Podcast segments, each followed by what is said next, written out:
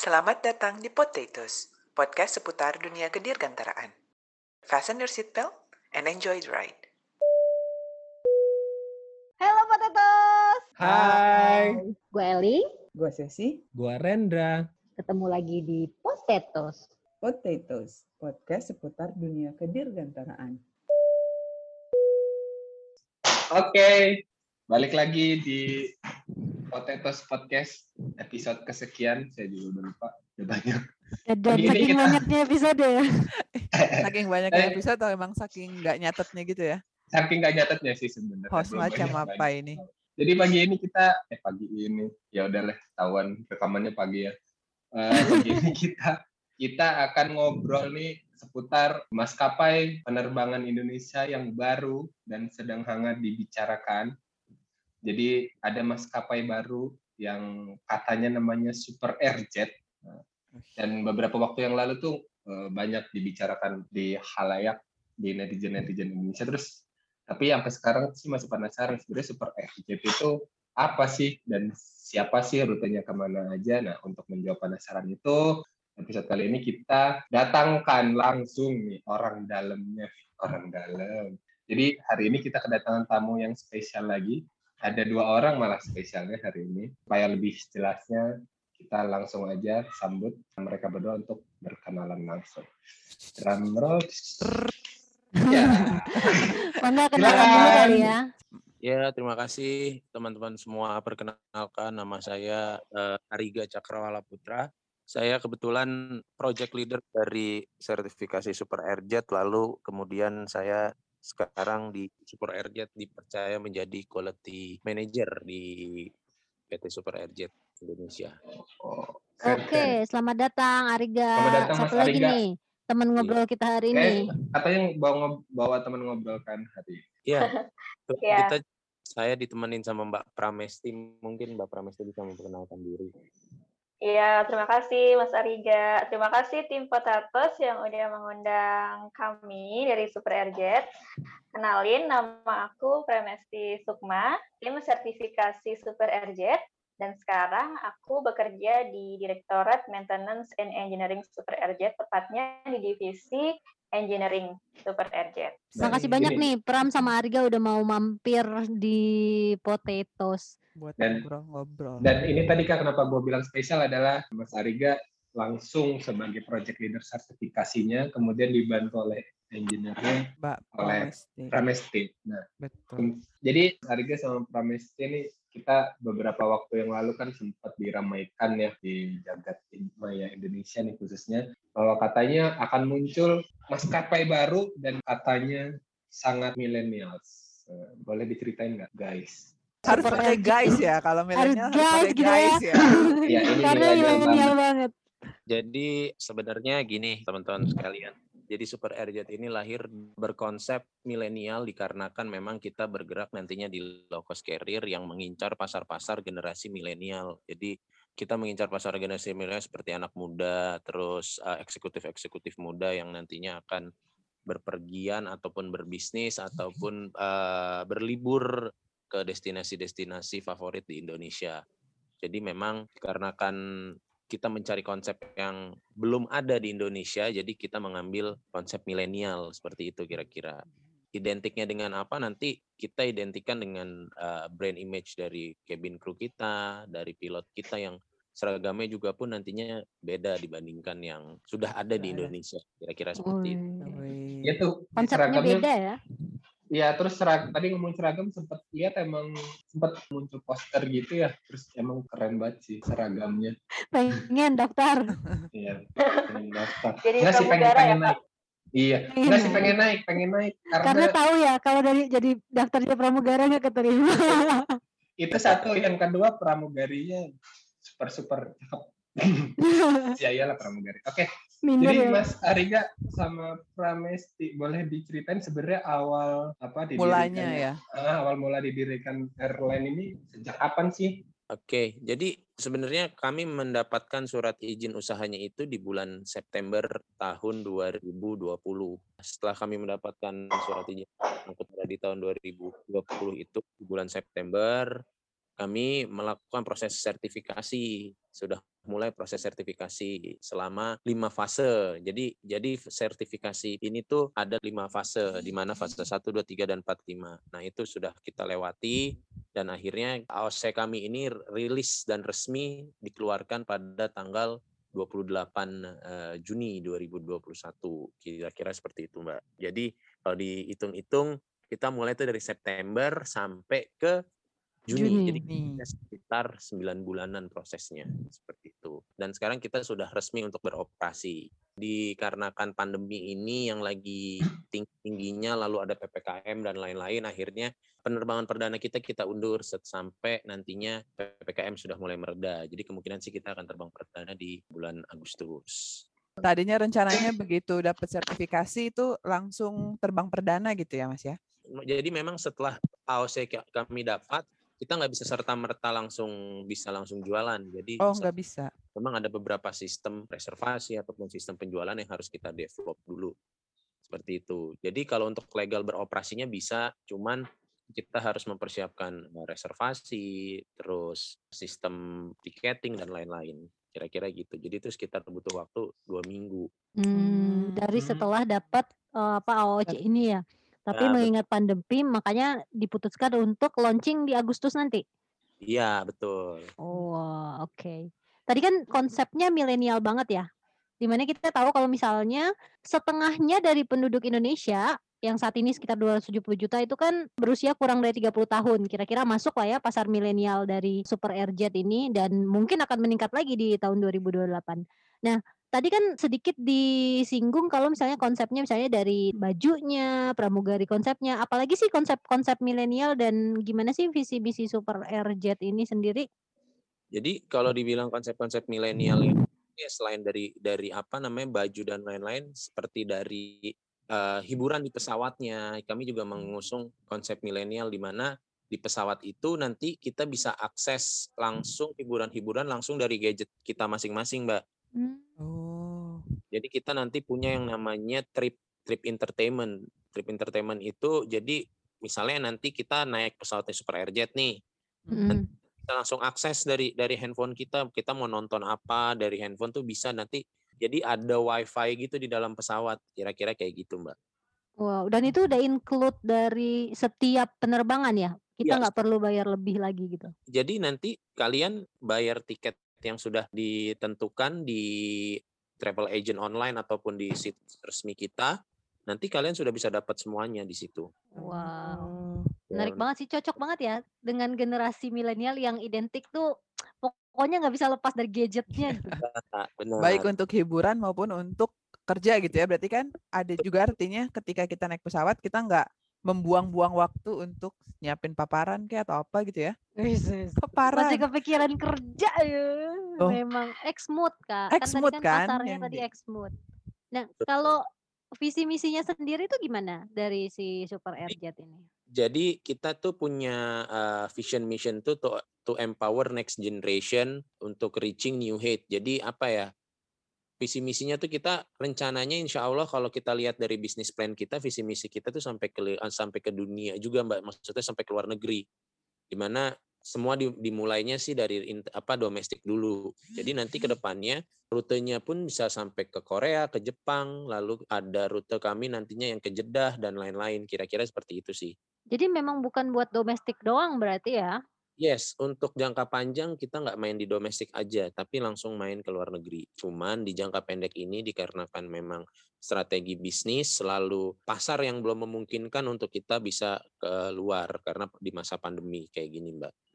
Gitu. Tapi kira-kira rencana untuk expand ke luar negeri tadi berarti as soon as possible setelah pandemi ini kira-kira mereda gitu kalian? betul, Atau betul, gimana? Mas. Jadi setelah pandemi ini mereda ataupun sudah bisa ke kontrol kali ya. Ya karena kita nggak tahu redanya kapan. Kalau bilang ke kontrol itu masih lebih bisa Ah, terukur lah ya. Ah, oke, oke. Ya, kita as soon as possible kita akan main ke mancanegara kayak gitu Mas. Kalau berdasarkan bisnis kita sih banyak banget rute kita yang jelas domestik akan kita mendatangi semua gitu. Dan yang pasti mempertimbangkan milenial juga ya untuk rute mancanegaranya ya. Mungkin kan akan beda dong Betul, betul. Jadi target negaranya. betul. Jadi seperti kayak Korea, Jepang dan lain-lain. yang hype Oh. gitu ya. K-pop misalnya. Iya, mau ke Korea mau nonton Blackpink bisa nih naik Super RJ. Insya Dan bisa nonton Blackpink-nya dari sini. Dari- latihan iya. dulu kan. Dari iya. home Iya, base. lu hafalin dulu nih di pesawat nih lagu-lagunya. Baru pas mau konser lu udah hafal karena udah nontonin dulu di dalam pesawat. Waktu dibilang kebutuhan millennials dari gadget segala macam akan dipenuhi ketika kita eh, reserve tiket. Tadi belum disebutin, Mas ada wifi-nya nggak nanti di pesawat? Jadi wifi-nya itu berbentuk uh, in-flight entertainment yang dinamakan Tripper itu. Oke. Tripper. Ah, ah. jadi kit- kita disedi- apa disediakan movie, film-film yang zaman sekarang. Nah, Jadi kan mungkin kalau maskapai-maskapai yang bergeraknya di bisnis class itu kan in-flight entertainment-nya sudah tertempel di dalam seat pesawatnya masing-masing ya. Mungkin kalau Ya teman-teman ada TV-nya masing-masing gitu ya. tapi Ya, oke. di Airjet kita tidak ada TV tapi langsung nanti bisa diakses langsung dari handphone ataupun di gadget penumpang masing-masing gitu kira-kira. Hmm. Tapi harus dengan platform tersendiri nggak? Misalnya platformnya Super Airjet gitu, atau de- dengan platform yang existing di handphone masing-masing? Jadi nanti kita akan download akses ke dalam websitenya nanti dari situ bisa langsung akses mas. Oh, di websitenya Super Airjet ya berarti. Betul. Atau ini sih, si aplikasinya bisa di-download di Play Store gitu sih emang. kan. Jadi bisa di-download dulu sebelum teman-teman terbang pakai Super Airjet, aplikasinya itu bisa di-download dulu di Play Store. Jadi Eh. kayak ada search-nya, Tripper Hmm. Travel di smartphone kalian masing-masing, ntar kalian download, udah tuh di situ kalian bisa langsung connect ke WiFi kita. Dan Oh, ini itu udah udah rilis belum? Iya, itu akan rilis pada saat penerbangan perdana kita nanti mas. Oh, tapi sekarang belum available di Play Store ya? Sekarang sudah available di Play Store. Nama aplikasinya Tripper Tango Romeo India Papa Papa Eko Romeo. Tripper. Iya. Hanya Tripper. Iya, double Dicek di. Play Store masing-masing ya. Nanti kita bisa lihat bagaimana menariknya service yang akan ditawarkan Super Airjet. Kita juga ada di App Store juga nanti. Oh iya, dan tentunya di App Store. Jadi yang pengguna Apple jangan merasa terintimidasi. Tapi ini menarik banget ya. Biasanya kan tuh yang kita kalau misalnya kita naik naik LCC itu tuh kan nggak ada tuh namanya in-flight entertainment. Pokoknya minimum lah ya pelayanannya. Jadi harus bawa game di handphone masing-masing yang nggak harus connect ke internet. Tapi di Super Airjet ini yang biasanya ada di business class atau penerbangan jauh yang notabene bukan LCC dibawa ke LCC supaya bisa diakses sama milenial dengan penerbangan yang juga cukup murah ya harganya.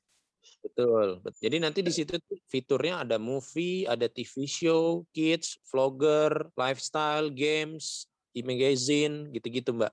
Jadi Oh, banyak. oke.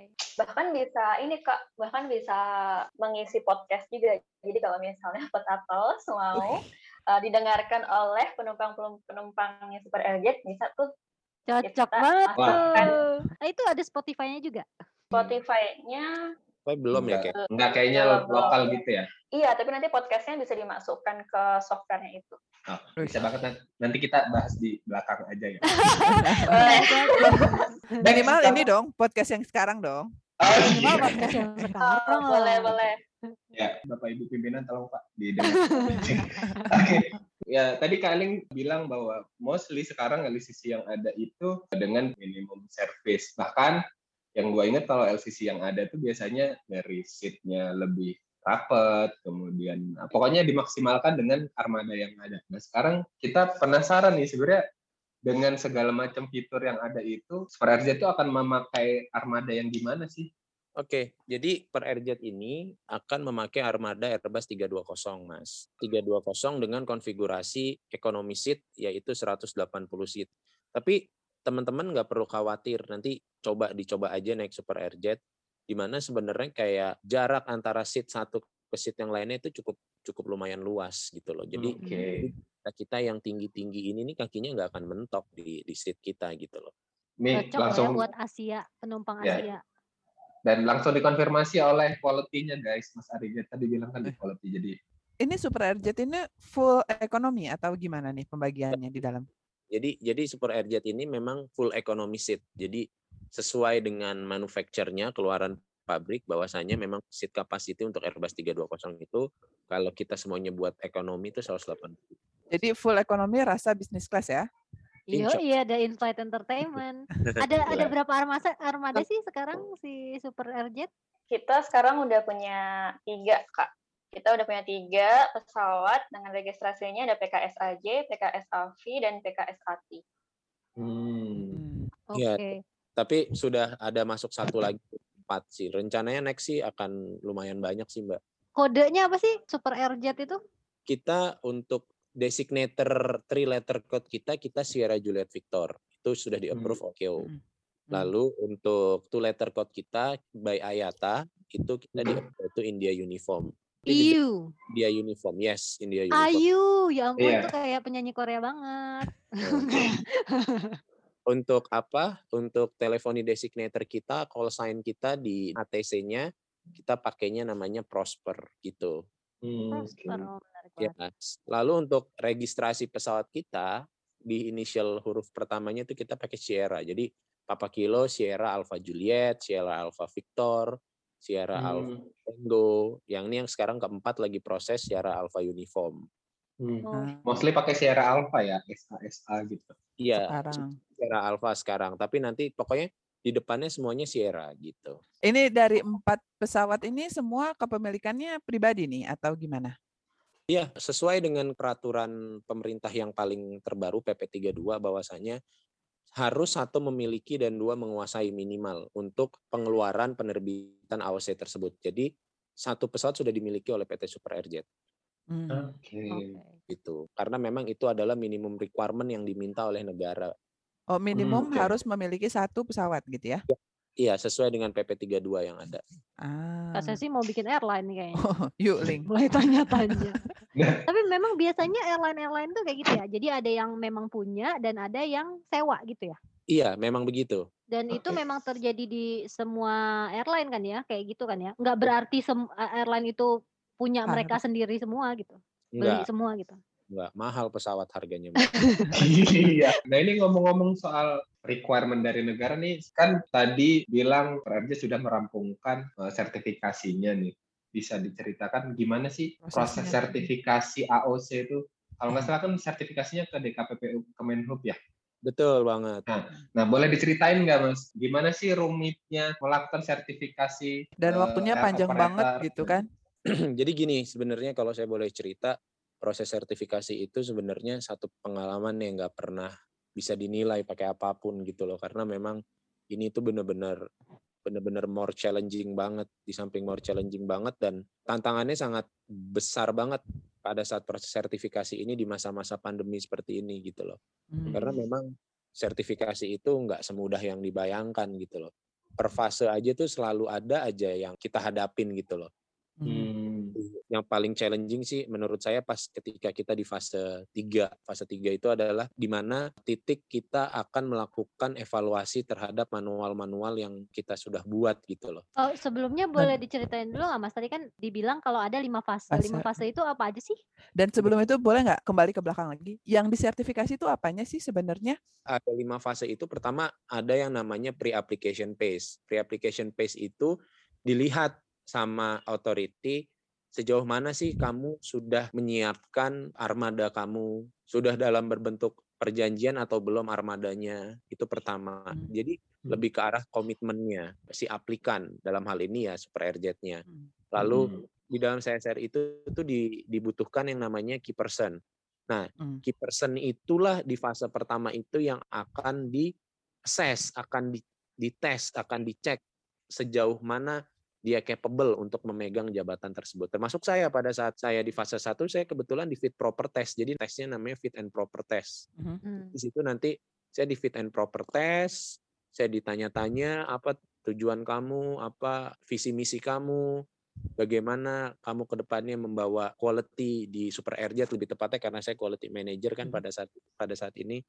Hmm. Jadi dilihat. Lalu nanti ditanya pesawatnya udah ada berapa, posisinya di mana dan segala macam. Baru nanti Oke. ditandatangani nama formnya pre-application statement of intent.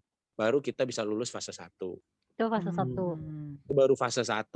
Lalu ke berikutnya masuk ke namanya formal application phase. Formal application phase itu dilihat semua legal as- aspek yang sudah kita punya. Nanti conduct trainingnya di mana? Oh, di Oh. Ada pihak ketiga, ada training provider diminta kontrak kerjasamanya. Nanti ground handling arrangement-nya sama siapa? Maintenance arrangement-nya sama siapa? Diminta kontraknya, dievaluasi bareng-bareng. Terus in-flight service provider-nya siapa? Catering-nya yang mana? Kayak gitu-gitu. Jadi semuanya nanti dievaluasi di situ di fase 2. Hmm. Nah, after fase 2 itu selesai, baru kita masuk ke fase 3. Nah, fase 3 itu kita berbicara tentang dokumen-dokumen yang akan dibutuhkan untuk membuat satu air operator certificate. Jadi banyak banget dokumennya di situ. Dibagi jadi tiga aspek. Ada aspek operasi, aspek safety security quality, ada aspek maintenance and engineering. Jadi masing-masing Hmm. aspek itu dievaluasi sama tim mereka manualnya. Oke. Itu sangat-sangat, waduh, pusing banget itu. Itu dan itu detail dokumen per dokumen ya. iya, diceknya dokumen per dokumen. Diceknya tuh Hmm. satu-satu pula. Habis itu ketika ada temuan kita harus benerin dulu sampai akhirnya nanti di-approve sama mereka. Hmm. Oke. Lalu habis itu tuh lulus baru masuk ke fase 4. Fase 4 itu kalau dibilang tuh kita mempertanggungjawabkan apa yang sudah tertulis di manual kita. Jadi di, di, di demonstrate-nya di fase 4. Jadi nanti kita itu dibagi jadi berapa kegiatan ya sekitar 3 sampai 4 kegiatan ada demo evacuation, ada tabletop, ada manajemen administrasi. Jadi itu benar-benar di fase 4 itu sudah mencerminkan seperti operasional gitu loh, tapi Hmm. dicek, tes gitu. Nah, itu juga itu juga lumayan challenging. Ditambah lagi pada saat itu kita melakukannya pas lagi puasa ya Mbak Pram ya. Hmm, betul banget Mas Ariga. Lagi bulan puasa tuh. Iya. Evacuation itu berarti kalau misalnya ada apa-apa, jadi banyak orang dong juga yang terlibat di situ. Benar, banyak banget orang. Jadi Hmm. ki- kita ngembangin escape slide kita gitu loh, di- dinilai di Hmm. situ. Jadi kita kan mengajukan minimum cabin di situ, dicek ketika minimum cabin kita kita ajukan segitu, sufficient nggak untuk melakukan evakuasi dengan cepat dengan menggunakan minimum cabin kayak gitu, Mbak. Hmm. Setelah fase 4 itu selesai, barulah kita ke fase 5. Nah, fase 5 itulah yang namanya fase certification phase. Jadi kalau fase 4 tadi itu namanya demonstration phase, fase 5 namanya certification phase. Fase Hmm. 3 namanya dokumen Compliant. compliance phase. Di fase kelima itu ya udah kita di-compile semua dari hasil fase 1 sampai fase 4 sampai fase 5 baru diajuin draft AOC kita ke Direktorat Jenderal Perhubungan Udara dan Oh. akhirnya disahkan. Jadi segitu rumitnya sih menurut saya dan sangat-sangat eagerness harus tinggi, semangat harus tinggi, ditambah lagi COVID, Tantangannya ini ya, berbeda ya. berat. Dan tapi ini semua bisa diselesaikan 9 bulan aja loh berarti. Berarti cukup cepat juga kan? Kalau untuk ukuran lagi COVID kayak gini sih cepet Mbak. Hmm. Memang biasanya kalau nggak ada tantangan pandemi seperti ini, proses ini biasanya berapa lama sih untuk lima fase? Lima fase sih sebenarnya kalau misalnya eh, eh, nggak ada kendala COVID kayak gini sih enam bulan sih bisa ya Mbak. Karena kan Hmm. karena kan gini loh pesawat kami kan semuanya ada di luar Indonesia. Jadi pada Oke. saat pada saat ngedelivery ke sini kan memang butuh persyaratan yang sangat banyak ya. Beda halnya dengan ketika kita tidak ada pandemi, gampang banget kan. Cuman sesimpel punya visa, punya paspor kan masuk gitu aja ya. Hmm, Ya, administrasinya betul, lebih betul. repot ya. Bener, harus syarat harus inilah, karantina lah, itulah. Jadi itu sih sebenarnya yang bikin lama. Jadi aspek-aspek non teknis yang membuat agak sedikit lama. Nama, ya. Oke. Tapi berarti sekarang semua pesawatnya udah ada di Indonesia nih kalau kayak gini ya statusnya. Eh, belum semuanya ada di Indonesia. Hmm. Yang tadi yang tadi kami sampaikan bahwasannya kan minimum requirement-nya kita harus Satu. punya tiga, Oh tiga. tiga Hmm, di mana satu harus memiliki dan dua harus menguasai. Hmm. Oke. Untuk minimum tiga ini semua sudah di Indonesia. Bahkan Hmm. bahkan sudah empat yang tadi saya sampaikan. Tinggal Udah. satu lagi yang masih di luar gitu ya. Yang tiga udah di. Indonesia. Banyak di luar masih banyak, Mbak, nggak cuma satu. Oh gitu. Nah, Jadi total tuh sekitar kita tuh akan ada sekitar 40 sampai 50 pesawat. Wow. Wow. Banyak banget. Itu untuk melayani rute mana aja sih? Domestik internasional nantinya, Mbak. Coba kita bisa lihat di Google ataupun di Wikipedia. Pasar di Indonesia itu sangat besar, Mbak, untuk domestik aja deh karena kan kita memang negara kepulauan ya. Mm-mm. Jadi ya kita akan fokus di domestik dalam jangka pendek ini, waktu terdekat ini. Dalam jangka panjang kita akan fokus ke internasional juga gitu. Domestiknya juga ke apa, penerbangan-penerbangan ke pelosok. Misalnya kayak nggak cuman Sulawesi tapi sampai ke Wakatobi gitu. Mungkin nextnya iya, tapi kita lihat dulu nanti kayak ke Wakatobi kira-kira untuk performance-nya 320 masuk apa enggak? Hmm, cocok nggak ya? Apa namanya mendarat di situ nanti nggak bisa gitu ya? Enggak kalau nggak bisa mendarat di situ kan ya nggak bisa. gitu. Mungkin kalau teman-teman biar tahu untuk destinasi pertama kita tuh kita punya tujuh destinasi, 8 sih sebenarnya. Mana aja tuh? Jadi gini, kita semuanya akan start dari Cengkareng. Oke. Jadi akan Cengkareng Pekanbaru, Cengkareng Hmm. Temu, Cengkareng Batam, Cengkareng Palembang, Cengkareng Padang. Oke, Oke. Sumatera ada lima. Berarti Ah. Sumatera semuanya. Benar, Sumatera itu. Lalu untuk Kalimantan kita punya Cengkareng Pontianak. Itu ke arah timur kita akan Cengkareng Lombok. Jadi Wah, langsung Oh. Lombok. Langsung, Langsung ya. Lombok ya, bukan Bali ya. Menarik loh itu. sementara Lombok gitu. Karena Nanti sekarang orang udah mulai bosen kali kak ya, cari destinasi yang lain gitu. Terlalu mainstream, lah dari Mainstream. langsung ke Lombok aja. langsung ke Lombok. Kak Eli jangan lupa ya Kak beli tiket Nanti dulu kalau kayak gitu, sekarang tiketnya dijual berapa nih? Dan Kalau- kapan? Udah bisa dijual belum nih? Ah, Untuk harga dan tiketnya, teman-teman udah bisa cek di website kita di www.superrj.com atau bisa menghubungi call center at superrj.com. Dan terkait informasi penjualannya tiket itu kita bisa ke 021 508 62099. Nah, untuk sekarang kita ada eh, free baggage Kak, 20 kg. Dan Wow. karena ya dan karena kita LCC harganya itu mulai dari 300.000 Kak. Wah, murah Nice. banget. Itu Udah pakai free baggage. Udah Iya. kayak Free bus baggage-nya Jakarta up, up to Bengkulu. 20 lagi, guys. 20 kilo. Lalu sama kita juga sudah tersedia di online travel agent ya Mas, Mbak. Ada di mana aja tuh? Kayak di Traveloka gitu-gitu sudah ada. Tiket.com juga udah ada ya. Nah, Jadi- Oke. Jadi guys nih tadi yang gue bilang seragam flight attendance-nya udah keren banget bisa dilihat di superairjet.com. Sekalian lihat rute dan harganya dan servis-servis yang disediakan oleh Super Airjet. Check it out. Kan sekarang lagi pandemi nih. Untuk Sampai prosedur penerbangannya sama aja. Eh, untuk prosedur penerbangan ki- jadi gini, Super Airjet sudah menerapkan untuk pramugari dan kokpit kru kita, kita sudah punya manual yang namanya protokol COVID-19. Jadi di mana nanti semuanya akan melakukan protokol COVID-19. Seperti contoh, setiap kru member kita yang akan terbang akan dilakukan tes swab antigen. Itu udah pasti. Lalu nanti semua cabin kita pada saat serve akan menggunakan PPE, personal protective equipment, sarung tangan, masker, face shield kayak gitu-gitu. Oke. Jadi insya Allah terbangnya akan nyaman dan aman bersama kami karena memang kami sudah melakukan semua protokol kesehatannya. Kira-kira Oke. gitu. Itu kalau dari sisi uh, Operator. Super Airjet-nya oper- sebagai operator. Kalau Ya. dari sisi penumpangnya requirement-nya harus samakah atau gimana, Mas? Jadi gini Mas, kita tidak bisa membuat satu requirement yang berbeda yang ditetapkan sama pemerintah. Jadi selama pemerintah masih menetapkan peraturan yang sama, ya kita harus follow kayak gitu. Oke, berarti misalnya sekarang selama pandemi untuk flight penumpang diwajibkan untuk tes swab PCR atau antigen, berarti ya kita follow itu gitu ya. Ya, sesuai dengan destinasi yang akan ditujukan. Sekarang kan kalau nggak salah swab PCR itu sesuai destinasi yang akan kita tujukan. Contoh misalnya Denpasar, dia mintanya PCR, ya udah ketika terbang ke Denpasar harus PCR. Tapi kayak misalnya kita terbangnya ke daerah Sumatera, setahu saya Sumatera itu cuma butuh antigen. Antigen. Nah ya udah, Hmm. ketika penumpang Super Airjet pergi ke Pekanbaru menggunakan Super Airjet ya cukup dengan antigen, kayak gitu sih. Oke. Terus kalau dari Super Airjet-nya sendiri menyediakan nggak spot khusus untuk melakukan tes antigen? Barangkali Ada yang nggak sempet gitu ya? eh, Eh, sep- iya, jadi rencananya ke depannya kita akan menyediakan spot antigen langsung. Oke. Cuman ini belum dirilis gitu loh. Jadi guys jangan khawatir kalau menggunakan jasa Super Airjet berarti protokol sesuai dengan anjuran pemerintah dan WHO ini sudah dipenuhi.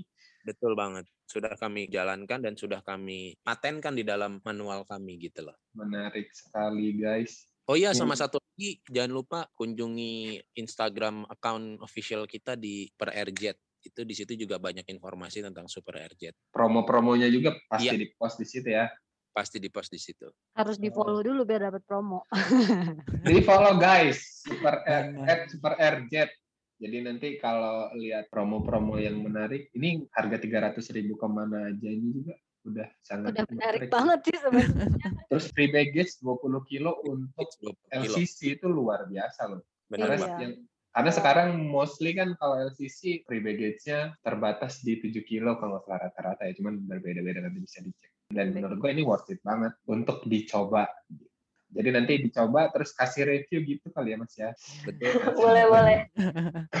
Jangan lupa Iya. diajak teman-temannya. Tadi diulangi sudah mulai akan first flight di 1 Agustus. Jadi teman-teman yang mungkin ada kebutuhan untuk terbang bisa mulai menggunakan jasanya Super Airjet. Ada pilihan baru ya? ada Super pilihan Airjet. baru yang millennials banget.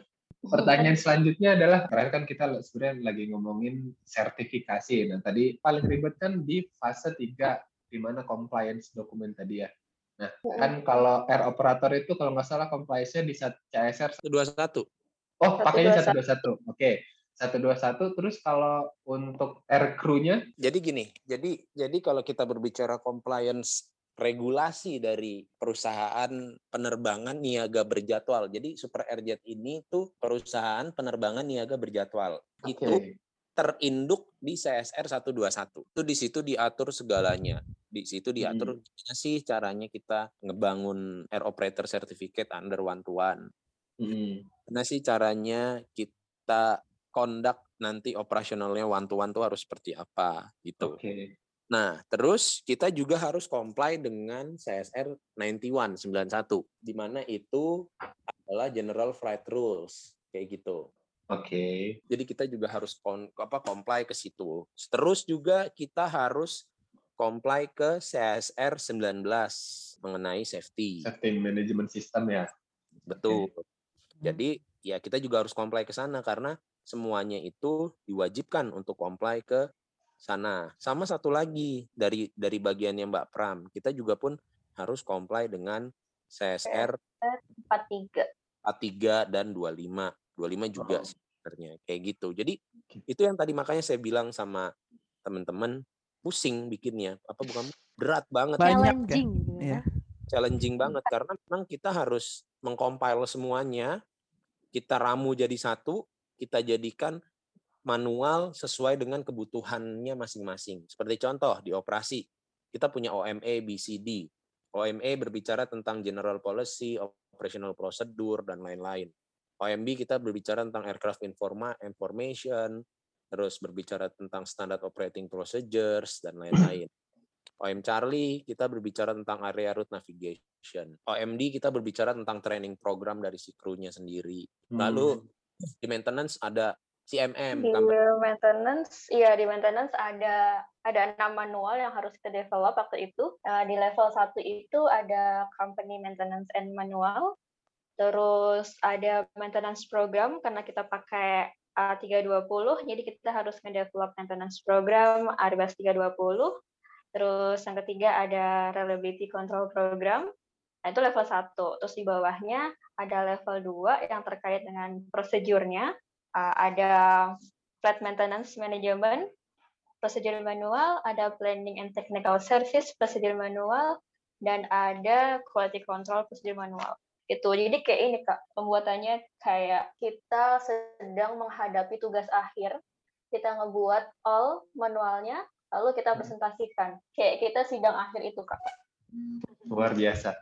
Jadi panjang ya dan banyak sekali yang memang harus diurus makanya bisa sampai 9 bulan tadi diceritakan dan ya dan akhirnya terlahir sebagai certified air operator gitu. Nah tadi kenapa aku tanyain itu karena barangkali ini teman-teman listeners uh, di mana pun berada pengen bikin air operator yang certified by DKPPU Indonesia. Jadi nanti bisa diikutin tadi ya CSR 121, kemudian CSR 19, CSR berapa tadi? 43, 25, 25. dibaca dulu, dipahami gitu. Dan itu bisa diakses di webnya DKPPU. Sambil Iya. ngumpulin modal ya, Ran? Sambil Satu. ngumpulin modal.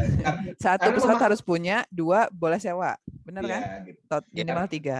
Iya, kenapa sa- bisa sambil ngumpulin modal? Karena memahami itu akan sangat panjang. Gitu. Tapi lucu ya, berarti tadi eh, waktu dibilang itu kayak tugas akhir, Berarti be- ketika dapat sertifikasi itu kayaknya rasanya udah kayak wisuda gitu ya. Lega banget, Mbak. Lega. Jadi ya ya apa yang kita lakukan selama ini nggak sia-sia lah gitu. Jadi yang paling ya itulah makanya tadi saya more challenging, memotivasi teman-teman biar tetap semangat itu juga berat gitu loh. Hmm. Karena terkadang kan kita ada ada di fase semangat, ada di fase dimotivasi. Nah, ketika dimotivasi itu yang harus dirangkul lagi biar jadi motivasi lagi gitu loh. Tantangannya nggak cuma teknis ya, tapi Teknisnya manajemen timnya juga gitu. bener. Tapi Mas Arga keren banget loh Kak. Dia sebagai project leader selalu bersemangat dan termotivasi dan selalu motivasi kita. Iya nggak Mas Arga? Kak Ses Kalau, kayaknya ada pertanyaan nih. Iya ini ini ini pertanyaannya tuh kayak eh, penting penting nggak penting nih. Jadi kan tadi waktu dokumen compliance eh apa tadi application itu kalau nggak salah kan udah harus masukin semua kontrak-kontrak formal application itu kan juga mempertimbangkan kontrak-kontrak yang kalian punya gitu kan dengan service maintenance dan lain sebagainya dan salah satu tadi yang penting kalau buat saya itu adalah ketika naik pesawat itu selain hiburannya itu adalah makanannya catering kan tadi ya salah satu kontrak yang harus dipenuhi Betul. eh ini dong boleh di spill nanti tuh Jadi- kalau untuk eh, makanan tuh kayak apa sih? Ya, tadi saya juga sempat mau menyampaikan. Jadi gini, ada aturan dari pemerintah selama masa pandemi COVID ini kita nggak boleh sales on board, Mbak. Ah, oke. Ya, jadi kita nggak boleh sales on board, tapi kita boleh pre-book meal. Pre-book meal itu di mana nantinya kita bisa memesan makanan sebelum penerbangan kita dimulai. Dimulai. Tetapi itu hanya boleh untuk penerbangan di atas dua jam ke atas.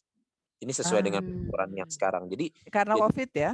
ya betul. Oke. Cuman nanti ketika mungkin COVID sudah mulai mereda dan terkontrol, lalu eh, ada kebijakan baru dari pemerintah, kita juga sudah menyiapkan fitur terkait dengan servis kita, walaupun tidak full service seperti maskapai-maskapai full service lainnya ya Mm. gitu. Jadi nanti kita salah satunya ada pre-book meal itu, Mbak. Jadi kita nanti di website kita nantinya akan ada pre-book meal di mana setiap penumpang itu bisa pesen. Misalnya Mbak mau terbang dari Cengkareng ke Lombok, ah aku pengen makan nasi gorengnya yang ada di Super Airjet, ah gitu.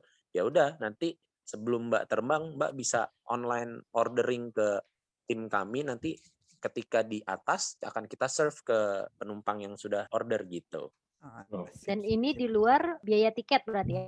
Ini di luar tiket, makanya kita bilang namanya pre-book meal. Sip, Gimana Kak Ses? Mau makan apa?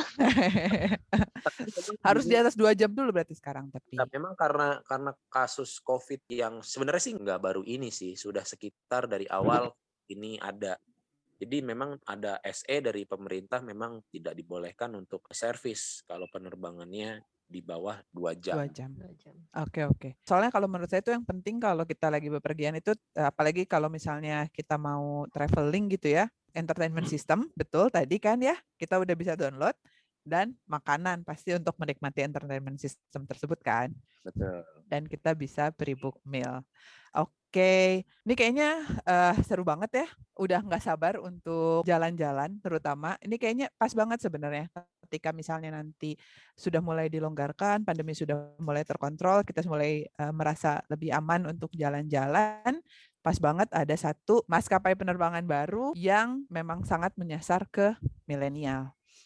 Mungkin sebagai closing statement nih dari eh, teman-teman di Super Airjet kasih clue atau kasih closing statement.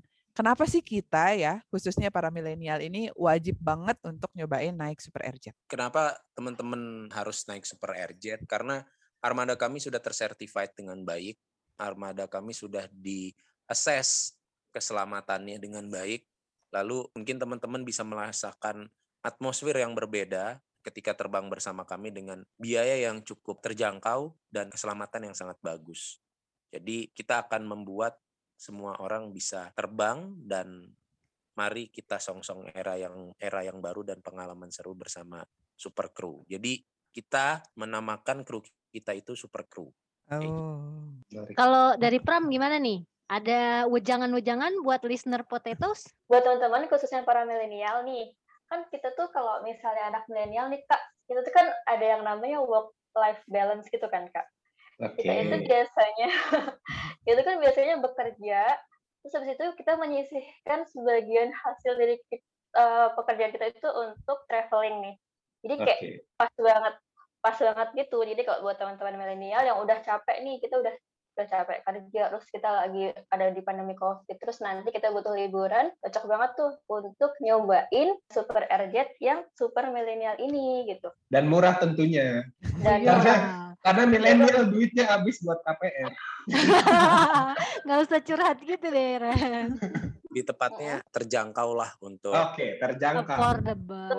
Affordable. Dijamin affordable untuk millennials ya karena memang sasarannya adalah millennials. Nanti kalau nggak terjangkau oleh millennials bisa kita Komen di IG-nya ya. komen di IG-nya.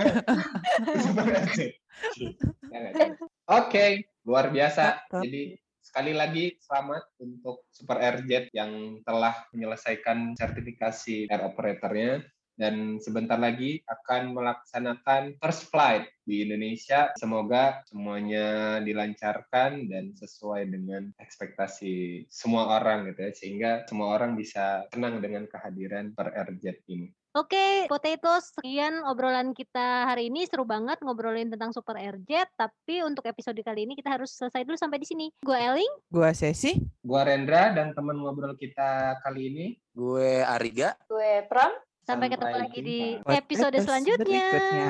Dadah. Dadah. Uh, Makasih banyak.